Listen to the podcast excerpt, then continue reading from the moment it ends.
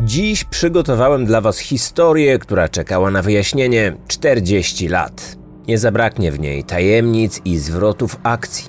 Zanim jednak przedstawię Wam kulisy tej sprawy, chcę opowiedzieć Wam nieco więcej o filmie Duchy w Wenecji.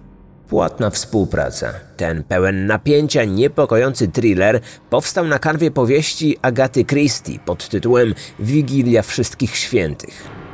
Film można już obejrzeć od kilku dni w kinach. Za dzieło odpowiada nie kto inny jak zdobywca Oscara, Kenneth Branagh, wcielający się także w główną rolę, Herculesa Poirot.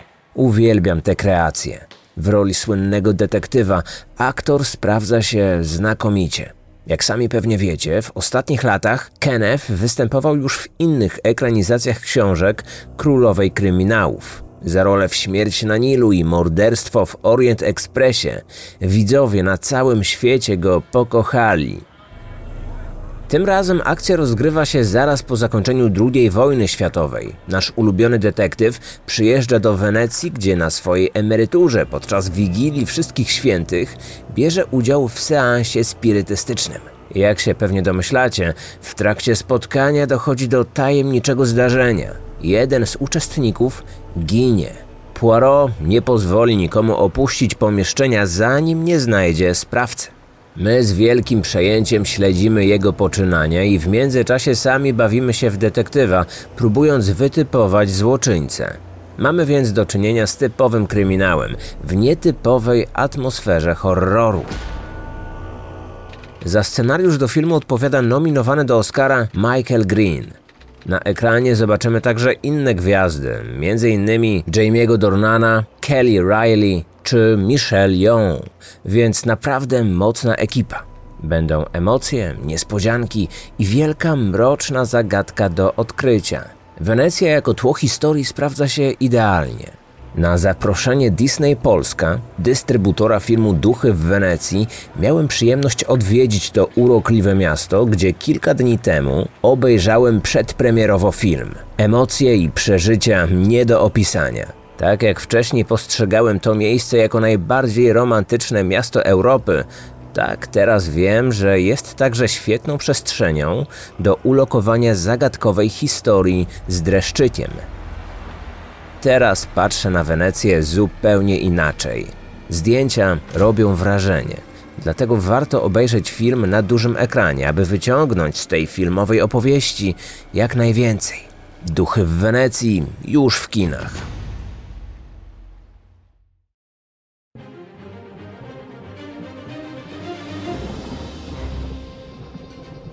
To była najmroźniejsza noc zimy 82 roku w Colorado.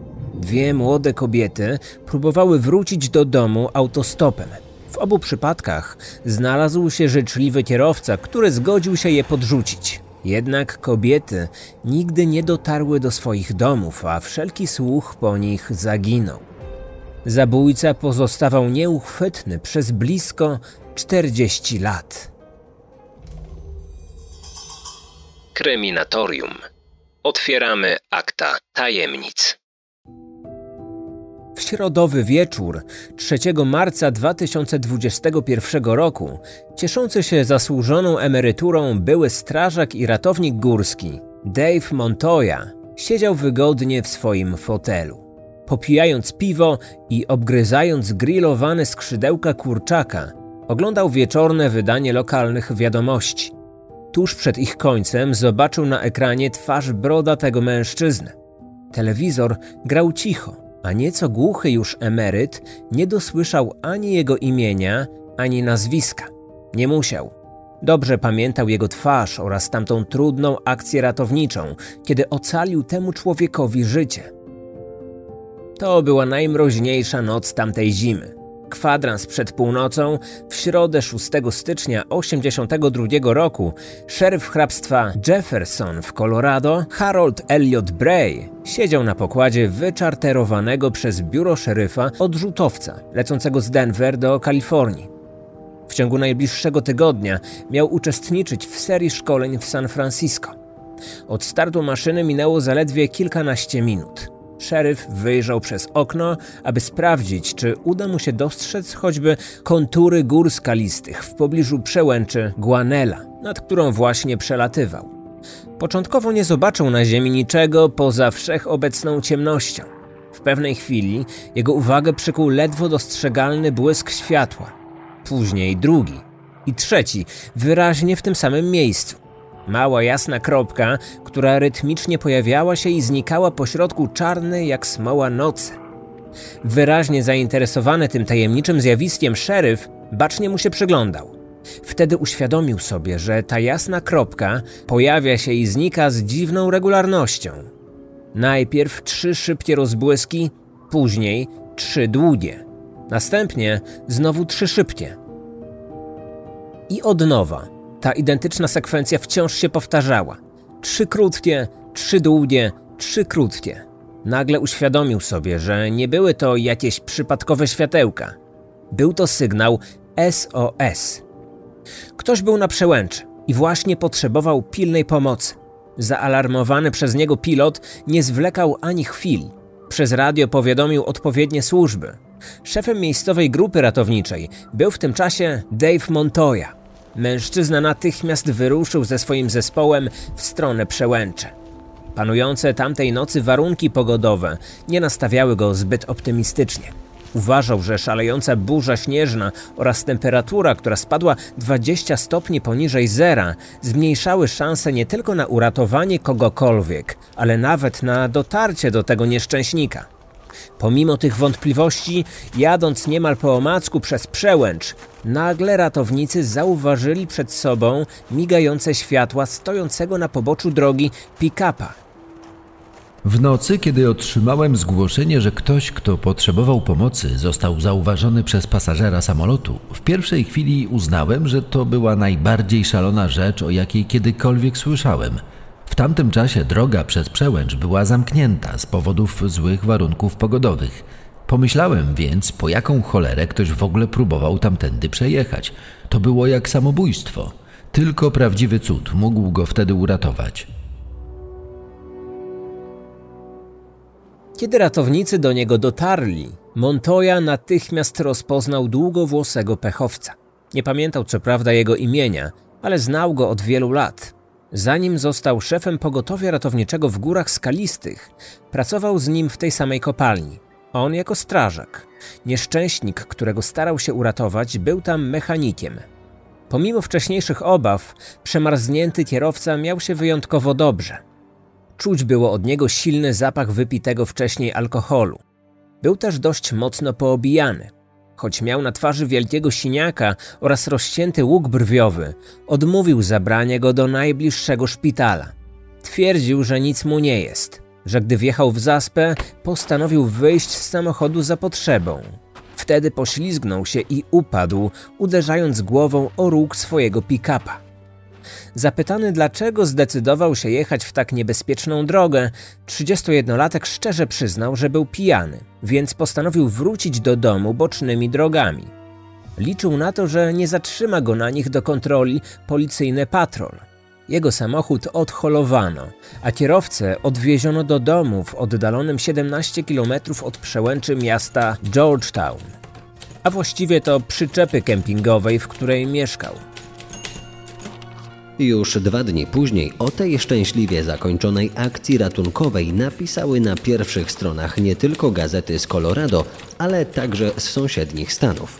Zdjęcia uratowanego mężczyzny pokazano we wszystkich wydaniach lokalnych wiadomości. 31-latek został jednodniową gwiazdą mediów, ale cała sprawa bardzo szybko ucichła, przykryta kolejnymi głośnymi wydarzeniami. Ratownik Dave w górach skalistych później uratował jeszcze setki innych osób. O pijanym mechaniku z pociętą, posiniaczoną twarzą szybko zapomniał. Nigdy więcej już go nie spotkał. I w następnych latach ani razu nie wrócił myślami do tamtej akcji ratunkowej. Przypomni sobie o niej dopiero 40 lat później, oglądając główne wydanie wiadomości. Czwartkowe popołudnie 7 stycznia 1982 roku szeryf hrabstwa Park, Norman Howey, wciąż jeszcze dyskutował z podwładnymi o uratowaniu pijanego mechanika. Cała akcja miała miejsce poprzedniej nocy, niespełna 5 kilometrów od granicy jego hrabstwa i mówili o niej dosłownie wszyscy w jego biurze.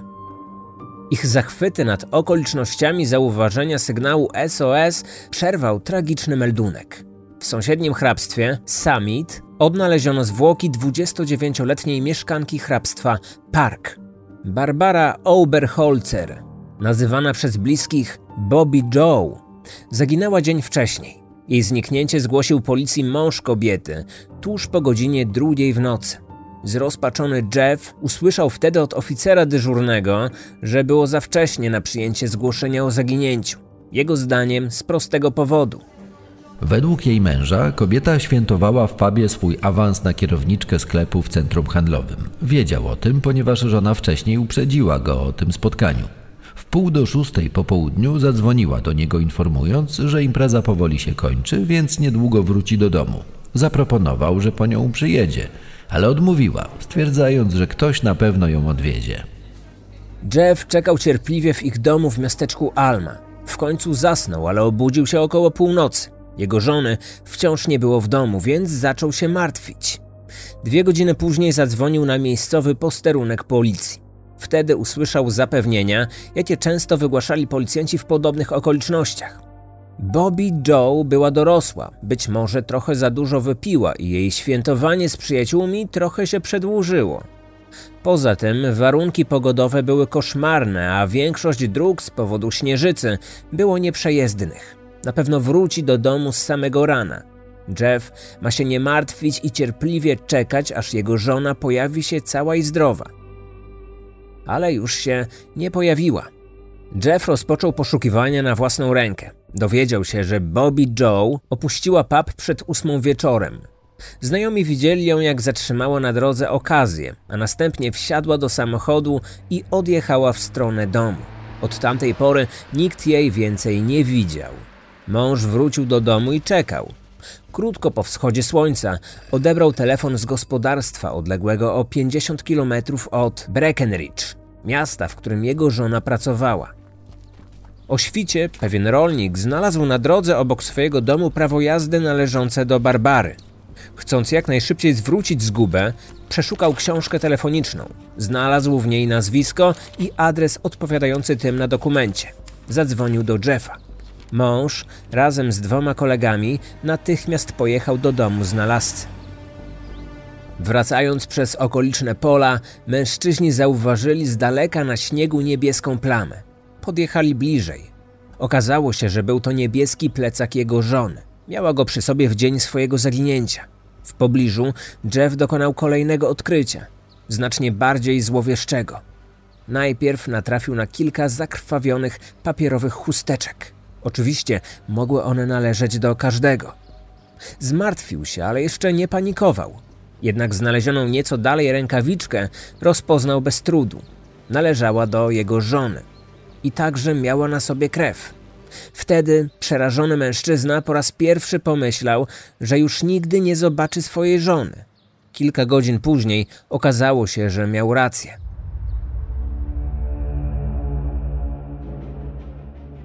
Jego odkrycia sprawiły, że tym razem policja przyjęła zgłoszenie o zaginięciu kobiety. Rozpoczęły się poszukiwania. W akcji brało udział także kilkudziesięciu wolontariuszy z całego hrabstwa. Koło godziny 15 na przełęczy Hussier, 8 km od jej domu i ponad 20 km od miejsca, gdzie znaleziono jej plecak, natrafiono na jej martwe ciało. Leżało twarzą do dołu na śnieżnym nasypie. Oględziny zwłok wykazały, że kobieta została zastrzelona. Po przeprowadzeniu sekcji zwłok ustalono, że ofiara została dwukrotnie postrzelona przez napastnika w plecy, prawdopodobnie w czasie swojej ucieczki przed nim. Na jednym nadgarstku wciąż miała zapiętą plastikową opaskę zaciskową, zwaną potocznie trytytką.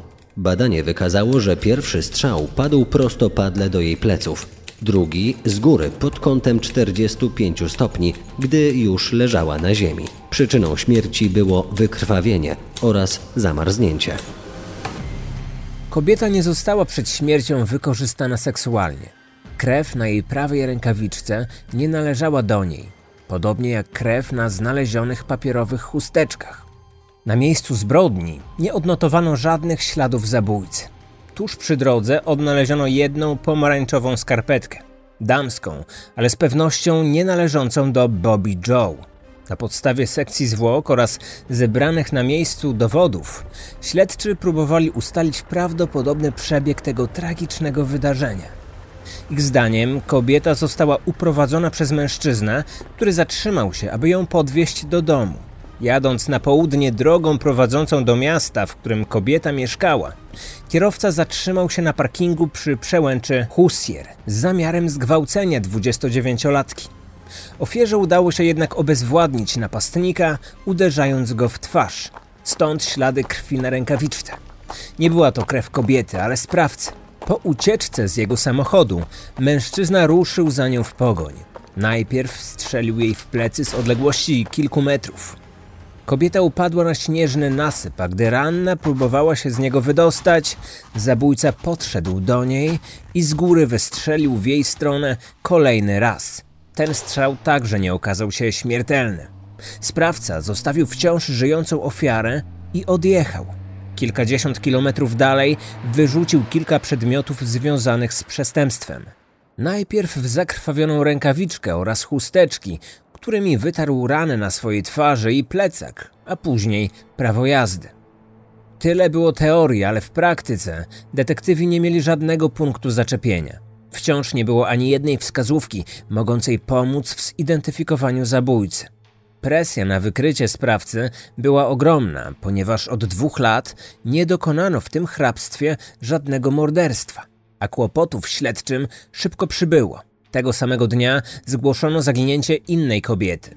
I to w tym samym miasteczku, w którym zniknęła Bobby Joe. Mieszkająca w Blue River, 21-letnia Annette Schnee pracowała jako kelnerka w jednym z barów w Breckenridge. Ostatni raz widziano ją w środę, 6 stycznia, kwadrans przed godziną 17. Wyszła z pracy wcześniej niż zwykle, ponieważ źle się poczuła. Udała się do apteki po leki na przeziębienie. Po zakupach rozmawiała z jakąś kobietą, której tożsamości nigdy nie udało nam się ustalić. Do domu zamierzała wrócić autostopem. Ktoś się zatrzymał, a ona wsiadła i razem odjechali. Nigdy jednak nie dotarła do miejsca zamieszkania. Przez kolejne dni nie trafiono na żaden ślad 21-latki. Jej poszukiwania trwały, a śledczy zaczęli się zastanawiać, czy za jej zniknięcie nie odpowiada ten sam kierowca, który tego samego dnia zabrał z drogi Bobby Joe. Na razie skupiono się na odnalezieniu zabójcy z przełęczy. Początkowo głównym podejrzanym został Jeff, czyli mąż ofiary. W przypadku zabójstw, zwykle w pierwszej kolejności, sprawdza się najbliższych ofiary. Jeff nie miał alibi na wieczór zabójstwa. Założono, że do zbrodni doszło koło 20. Mąż zeznał, że w tym czasie był w domu, sam, więc nikt nie mógł tego potwierdzić. Swoje poszukiwania rozpoczął z dwoma kolegami dopiero po godzinie drugiej w nocy. To dawałoby Jeffowi e, możliwość na to, aby pojechać po swoją żonę, a wracając zatrzymać się na przełęcze, aby dokonać zabójstwa. Czy mężczyzna był zazdrosny, że tamten wieczór kobieta świętowała ze znajomymi, a nie z nim? Czy z tego powodu w trakcie jazdy wywiązała się między nimi kłótnia? Czy w przypływie złych emocji zastrzelił swoją żonę? Czy po zbrodni pojechał kilkadziesiąt kilometrów dalej, aby wyrzucając rzeczy kobiety zmylić trop? Czy dlatego tak szybko odnalazł jej plecak i zakrwawione chusteczki na niedostępnym i zaśnieżonym pustkowiu? Jednak Jeff uparcie twierdził, że nie miał ze śmiercią swojej żony nic wspólnego. Postanowiono więc poddać go badaniu za pomocą wykrywacza kłamstw. Mąż zdał ten test bez najmniejszych wątpliwości. Mówił prawdę, dlatego skreślono go z listy podejrzanych, przynajmniej na razie. Przez następne miesiące policjanci sprawdzili kilku innych podejrzanych. Jednym z najpoważniejszych z nich był taksówkarz z Breckenridge, Thomas Luther. Trzy tygodnie po zabójstwie Bobby Joe został on oskarżony o pobicie i próbę zgwałcenia pewnej autostopowiczki, którą zabrał niedaleko miejsca, gdzie po raz ostatni widziano zamordowaną 29-latkę. Jeździł pick-upem podobnym do tego, do którego wsiadła żona Jeffa. Poza tym, będąc już w więzieniu, przechwalał się innym osadzonym, że to on jest poszukiwanym zabójcą z przełęczy. Dodatkowo, jego dziewczyna zeznała, że nie było go w domu tamtej nocy, kiedy zginęła mieszkanka Almy. Ten trop okazał się jednak nietrafiony. Gdy dowiedział się, że może go spotkać kara śmierci, Luther wystraszył się. Zaprzeczył, że jest poszukiwanym zabójcą. Potwierdziło to badanie za pomocą wykrywacza kłamstw. Gdy żadne tropy nie doprowadziły do zidentyfikowania sprawcy, kolejny raz przesłuchano Jeffa. Pod koniec czerwca ponownie zapewnił on śledczych, że nie ma nic wspólnego ani ze śmiercią swojej żony, ani z zaginięciem tej drugiej kobiety, poszukiwanej przez policję od prawie sześciu miesięcy. Jednak tym razem mężczyzna dodał do swoich słów coś, co detektywi początkowo zbagatelizowali. Powiedział nam, że ma pewne przeczucie związane z zaginioną 21-latką, której do tej pory nie odnaleźliśmy. Jego zdaniem kobieta już od dawna nie żyła, a on był przekonany, że odnajdziemy jej ciało jeszcze przed najbliższym świętem niepodległości, czyli przed 4 lipca. I że jej ciało znajdowało się nie dalej niż 6 kilometrów od jego domu. Każdego tygodnia odbieraliśmy mnóstwo telefonów z podobnymi przeczuciami, które okazywały się być ślepymi zaułkami, więc początkowo nie przywiązywaliśmy do jego słów większej wagi. Jednak gdy 3 lipca, a więc dzień przed wspomnianym przez Jeffa świętem niepodległości, dwóch wędkarzy odkryło w pobliskiej rzece zwłoki Annette Szni, śledczy podeszli do zeznań mężczyzny śmiertelnie poważnie. Co prawda tego makabrycznego znaleziska dokonano w odległości 11 km od domu Jeffa. To zadziwiająca dokładność jego przeczucia wzbudziła w detektywach ogromną podejrzliwość. Jeff nie potrafił jednoznacznie wyjaśnić, skąd wzięło się u niego tak trafne przeczucie. Dodatkowo w portfelu ofiary znaleziono jego wizytówkę. Uznano więc, że musiał spotkać się z 21-latką przynajmniej jeden raz. On sam od początku zaprzeczył, że ją znał. Przysięgał, że nigdy w życiu jej nie widział i z nią nie rozmawiał. A swoje wizytówki, jako miejscowy złota rączka, dawał każdej napotkanej przez siebie osobie.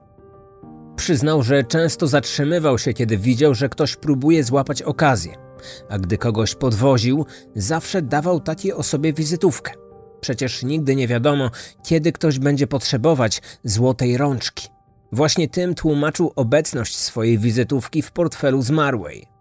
Ustalono, że Annette przed śmiercią została rozebrana, prawdopodobnie przez sprawcę, oraz zgwałcona. Później zabójca ubrał ją, ale niezbyt dokładnie. Choć kobieta miała na obu stopach zasznurowane buty, to na jednej z nich brakowało skarpetki pomarańczowej. Dokładnie takiej, jaką znaleziono w pobliżu ciała Bobby Joe. Podczas ponownego przeszukania miejsca zbrodni żony Jeffa, policjanci odnaleźli plecak Annette. Podobieństw pomiędzy śmiercią obu kobiet było więcej. 21-latka została postrzelona w plecy z takiej samej broni.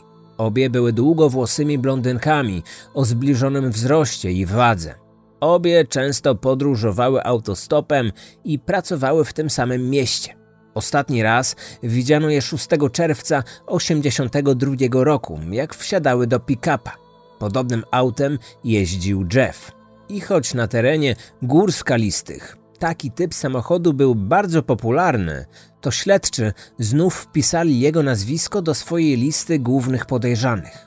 Śledztwo wykazało, że obie kobiety zmarły tego samego dnia, a więc 6 stycznia, z tym, że jako pierwsza zamordowana została Annette.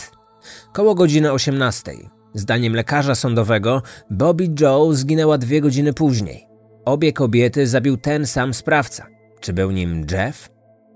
Śledczy uznali, że tak i szybko ułożyli nową, hipotetyczną wersję wydarzeń.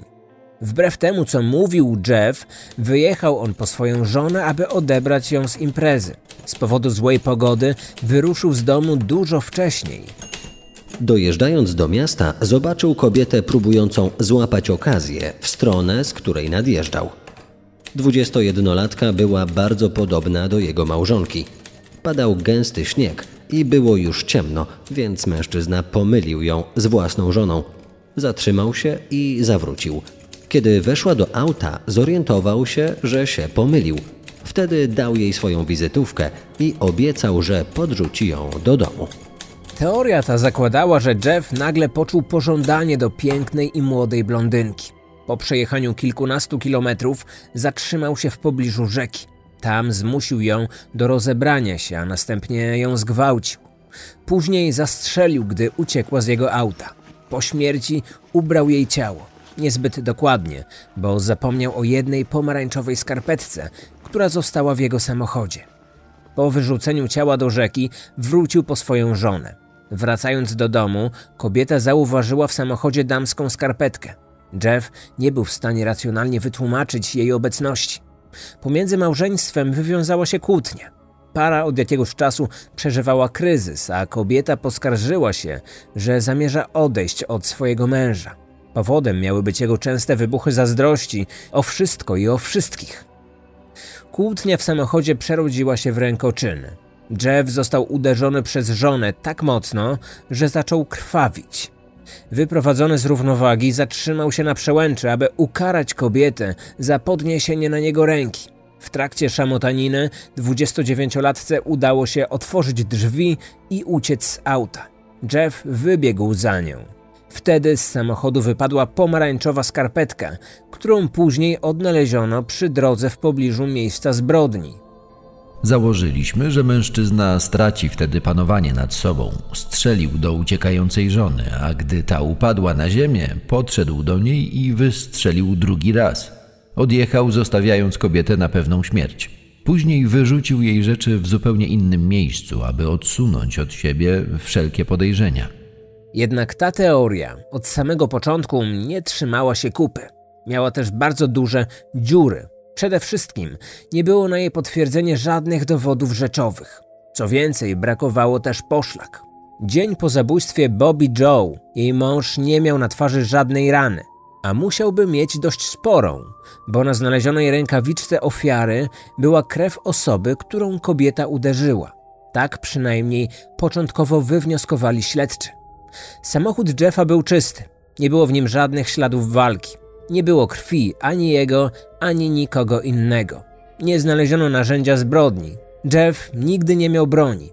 Potwierdziły to osoby z jego najbliższego otoczenia. Świadkowie zeznali, że zarówno Bobby Joe, jak i Annette wsiadły do pick-upa koloru ciemnego. Tymczasem Jeff jeździł białym. Przeprowadzone badania DNA krwi z rękawiczki potwierdziły, że nie należała ona ani do ofiary, ani co ważne do Jeffa, podobnie jak krew na papierowych chusteczkach. W związku z tymi ustaleniami nie można było postawić Jeffowi żadnych zarzutów. Nadal istniało duże prawdopodobieństwo, że obie kobiety zostały zabite przez tego samego sprawcę, ale wszystko wskazywało na to, że nie był nim Jeff.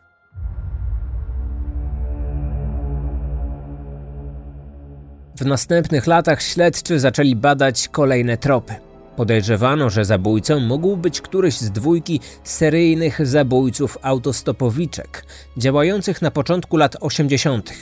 Oni w pewnym momencie sami się do tego przyznali. Jednak śledztwo wykazało, że ani Henry Lee Lucas, ani Tracy Petroselli nie mieli z tymi zabójstwami nic wspólnego.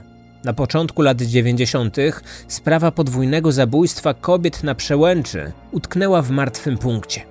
Wkrótce jej akta trafiły do szafy z napisem nierozwiązane. Jednak w dalszym ciągu ta nierozwiązana tajemnica nie dawała spokoju detektywom. Mieli co prawda DNA sprawcy, ale nie posiadali żadnej próbki porównawczej.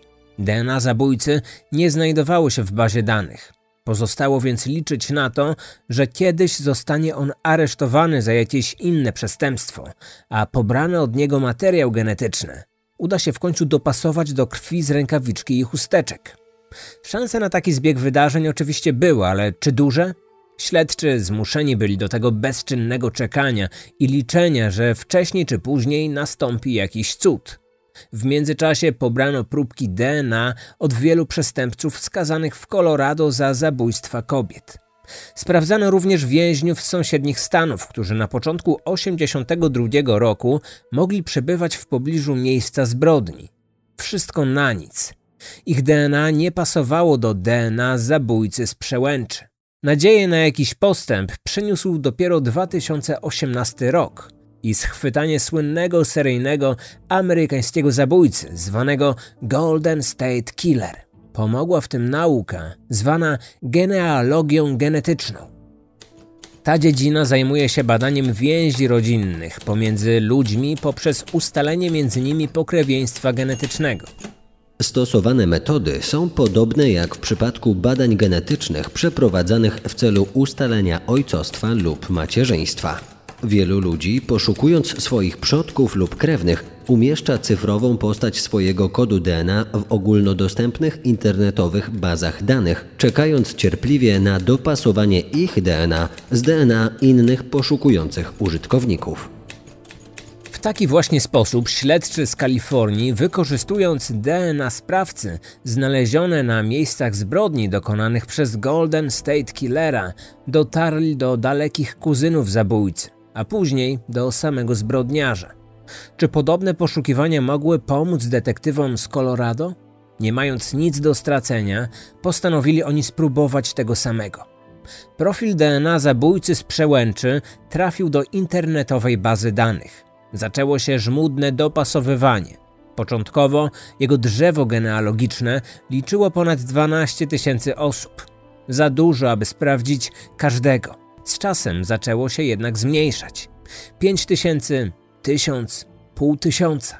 Liczba potencjalnych dopasowań zmniejszała się z każdym kolejnym tygodniem. 200, 100, 50. W międzyczasie policja z pomocą agentów FBI oraz biura śledczego z Colorado intensywnie sprawdzała wszystkie obiecujące nazwiska z tej listy. Wciąż jednak bez powodzenia. Jednak na początku 2021 roku na liście pozostały tylko dwie osoby. Agenci FBI ustalili, że obaj nigdy nie byli w Colorado. To była zła wiadomość, ale była też dobra. Jeden z ich dalekich kuzynów od blisko 50 lat mieszkał w niewielkim górskim miasteczku oddalonym zaledwie 60 km od miejsca zbrodni. Ale to nie wszystko. W styczniu 1982 roku, czyli w czasie, kiedy popełniono obie zbrodnie, pracował jako mechanik w mieście, w którym zaginęły obie kobiety.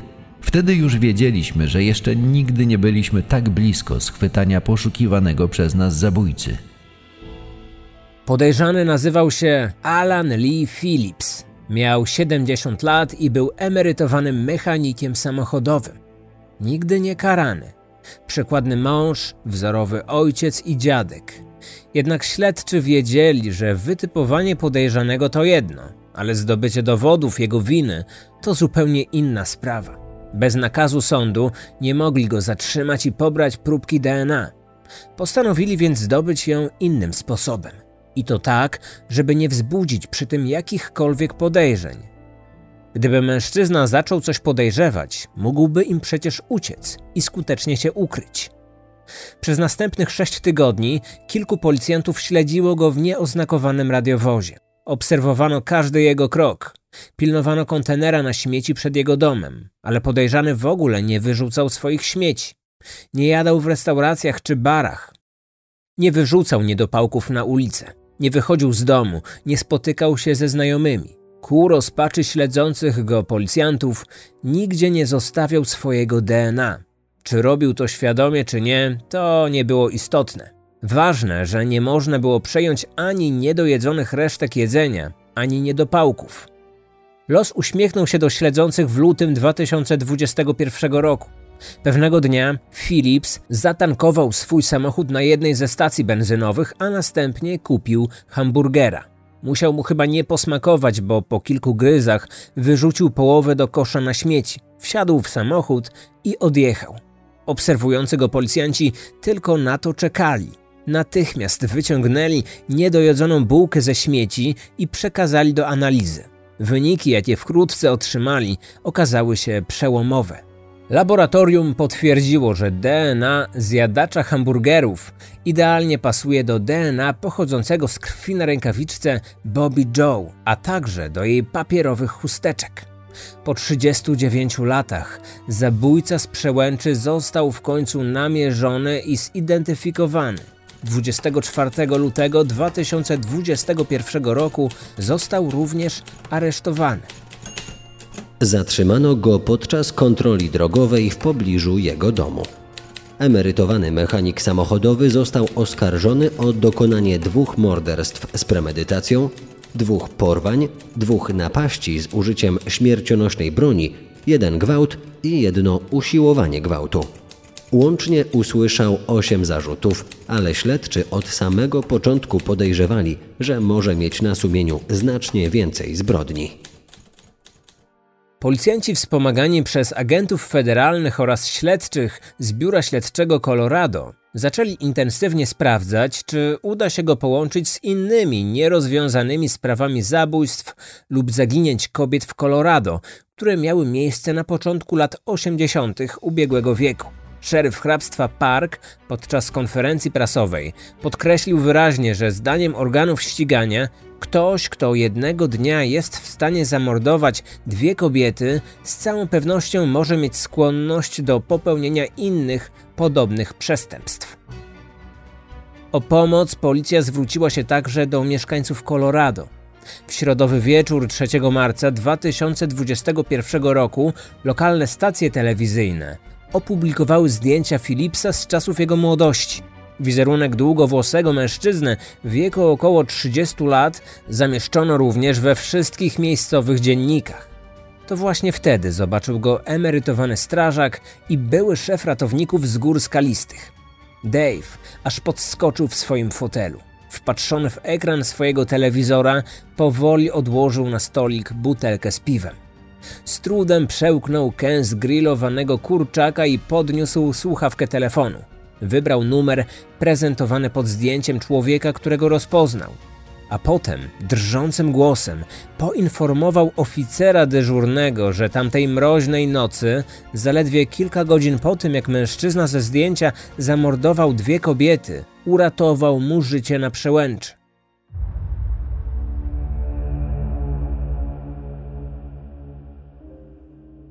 Trzy miesiące później ratownik Dave wrócił do tej akcji ratowniczej w rozmowie z dziennikarzem Washington Post. To była najmroźniejsza noc tamtej zimy. Wszystkie górskie drogi były wtedy zamknięte, a on utknął na jednej z nich. Gdy przyjechaliśmy, siedział w tym swoim pick-upie z okropną raną na twarzy. Kiedy nas zobaczył, zaczął krzyczeć i dziękować Bogu, że został uratowany. Po prostu zabraliśmy go z tego pick-upa i odwieźliśmy do domu. Uratowaliśmy mu wtedy życie, w ogóle nie zdając sobie sprawy z tego, że chwilę wcześniej on odebrał życie dwóm młodym kobietom. Dave był później wielokrotnie pytany przez dziennikarzy, czy żałował, że ocalił mordercę, gdy już dowiedział się prawdy na jego temat. Ale Dave nie żałował. Nigdy nie pomyślał, że mógłby się zachować inaczej. Nawet gdyby wiedział, kogo ratuje. Podkreślał, że niesienie pomocy ludziom było jego obowiązkiem. Wszystkim, nawet samemu diabłu. Siedem miesięcy po aresztowaniu Philipsa rozpoczął się jego proces. Prokuraturze nie udało się zebrać wystarczających dowodów, aby poszerzyć akt oskarżenia o inne zbrodnie. Dlatego 70-letni mężczyzna był sądzony tylko za dwa zabójstwa pierwszego stopnia. Nie przyznał się do winy, nie chciał mówić o szczegółach. Po trwającym niemal równo rok procesie Ława przysięgłych potrzebowała czterech godzin, aby uznać oskarżonego winnym wszystkich zarzucanych mu czynów. Dwa miesiące później sąd skazał go na dwukrotne dożywocie, bez możliwości wcześniejszego zwolnienia warunkowego. Zabójca nie wykazał przed sądem skruchy. Odmówił także przeproszenia rodzin swoich ofiar. W jego imieniu uczyniła to jego córka. Kobieta, prosząc bliskich dwóch zamordowanych kobiet o wybaczenie, podkreśliła jednocześnie, że wierzy w odkupienie win swojego ojca. Wciąż uważała go za dobrego człowieka i idealnego ojca, ale jak podkreśliła, jeśli popełnił on tak straszne zbrodnie, to musi za nie odpowiedzieć, bo sprawiedliwość zawsze musi nadejść, nawet jeśli jest spóźniona o 40 lat. Odcinek powstał na podstawie reportażu telewizyjnego amerykańskiej stacji CBS oraz serii artykułów prasowych w takich dziennikach jak The Washington Post, St. Louis Post Dispatch, The Journal Times, Summit Daily, Denver Post, Sioux City Journal, The Daily Sentinel. Wykorzystano również artykuły opublikowane w serwisach Denver 7 ABC, CBS News, CBS News Colorado i Cairo 7. Szczegóły związane z tematem genealogii genetycznej pochodzą z książki Blaine Bettinger z roku 2022 zatytułowanej The Family Tree Guide to DNA Testing and Genetic Genealogy.